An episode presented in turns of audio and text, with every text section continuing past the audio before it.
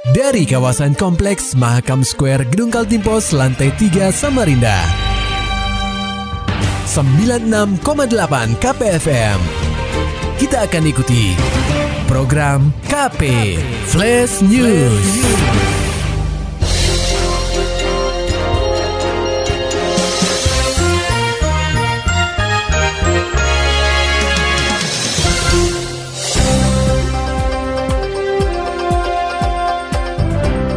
Pendengar KP, saat ini Anda sedang mendengarkan program KP Flash News bersama saya Ian Krisna. Pendengar KP, Koni Kaltim akan menghelat bimbingan teknis atau BIMTEK pengelolaan dan pelaporan pertanggungjawaban keuangan pada 22 Juli 2023. Peserta dalam agenda tersebut adalah 65 pengurus provinsi atau Pengprov cabang olahraga dan KONI kabupaten kota. Menurut Ketua Panitia Pelaksana Kegiatan Abdul Kadir, BIMTEK dilaksanakan agar cabang olahraga penerima bantuan dana dari KONI Kaltim menerapkan sistem laporan yang seragam.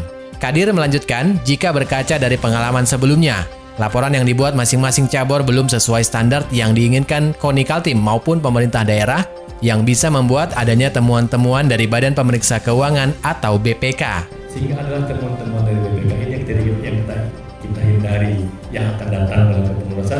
Husnil Sani kita harapkan itu mudah-mudahan karena kita mewajibkan adalah semua cabang pertemuan diikuti setidaknya oleh bendahara karena bendahara yang membukukan dan mencairkan keuangan di masing-masing sehingga Kadir berharap BIMTEK dapat menciptakan perubahan pengelolaan dan pelaporan. Pendengar KP Pemprov Kaltim coba kembangkan hilirisasi industri non-ekstraktif. Laporan selengkapnya akan disampaikan reporter KPFM Samarinda Muhammad Nur Fajar. Pendengar KP, Kaltim memiliki tren positif dalam pertumbuhan nilai ekspor dalam skala nasional. Pertumbuhan ini terus terjadi sejak tahun 2019 hingga tahun 2022. Tetapi, pertumbuhan nilai ekspor di Kaltim masih didominasi oleh industri ekstraktif, seperti minyak dan gas bumi atau migas. Hal tersebut diutarakan oleh Sekretaris Daerah atau Sekda Provinsi Kaltim, Sri Wahyuni. Meski industri ekstraktif masih mendominasi, Pemprov Kaltim tentu tidak akan terlena dengan situasi tersebut.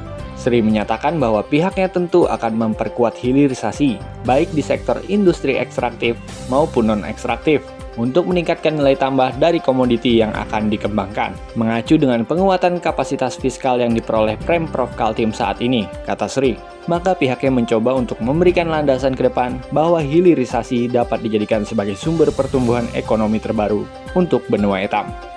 Ya, ekspor meningkat memang basisnya basi ke uh, migas batubara.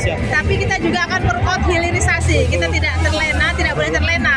Tapi dengan penguatan kapasitas fiskal dari yang kita dapat sekarang, itu kita coba untuk memberikan landasan ke depan untuk hilirisasi sebagai sumber pertumbuhan ekonomi uh, baru untuk Kaltim. Memang tidak akan uh, secepat waktu ya untuk menggeser uh, industri yang dari uh, ekstraktif dengan non ekstraktif ya. Adapun beberapa sektor industri non ekstraktif yang tengah dikembangkan Pemprov Kaltim saat ini meliputi hilirisasi pariwisata, industri, pertanian, kimia dan sebagainya. Kelak, sektor industri non ekstraktif tersebut akan menjadi sumber pertumbuhan ekonomi terbaru di Kaltim. KPFM Samarinda, Muhammad Fajar melaporkan. Pendengar KP, DPRD Kaltim meminta Badan Otorita Ibu Kota Nusantara atau IKN untuk memperjelas status hak politik dari masyarakat yang bermukim di wilayah IKN. Hal tersebut diungkapkan anggota Komisi 4 DPRD Kaltim Rusman Yakub.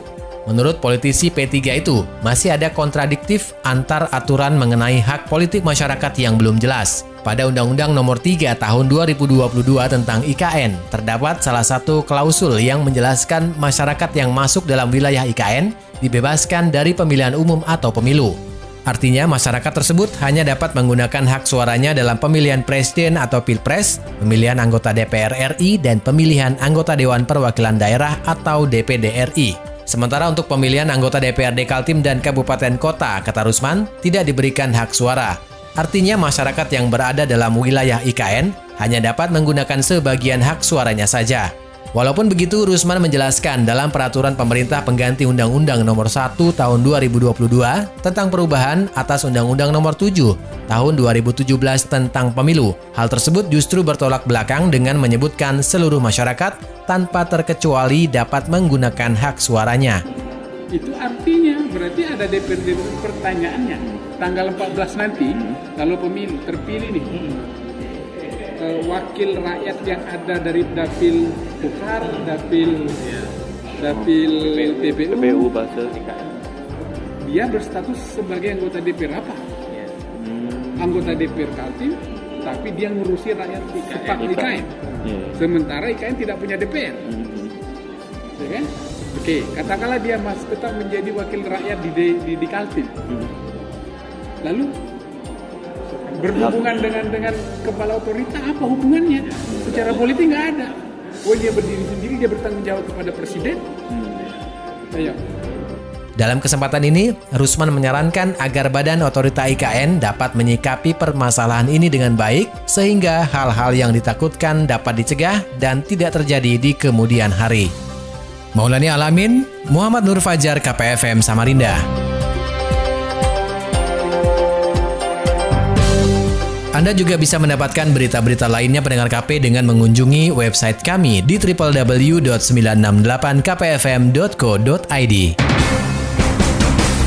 Demikian tadi telah kita simak rangkaian berita-berita yang terangkum dalam program KP Flash News.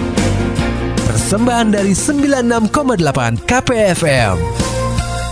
Terima kasih dan sampai jumpa.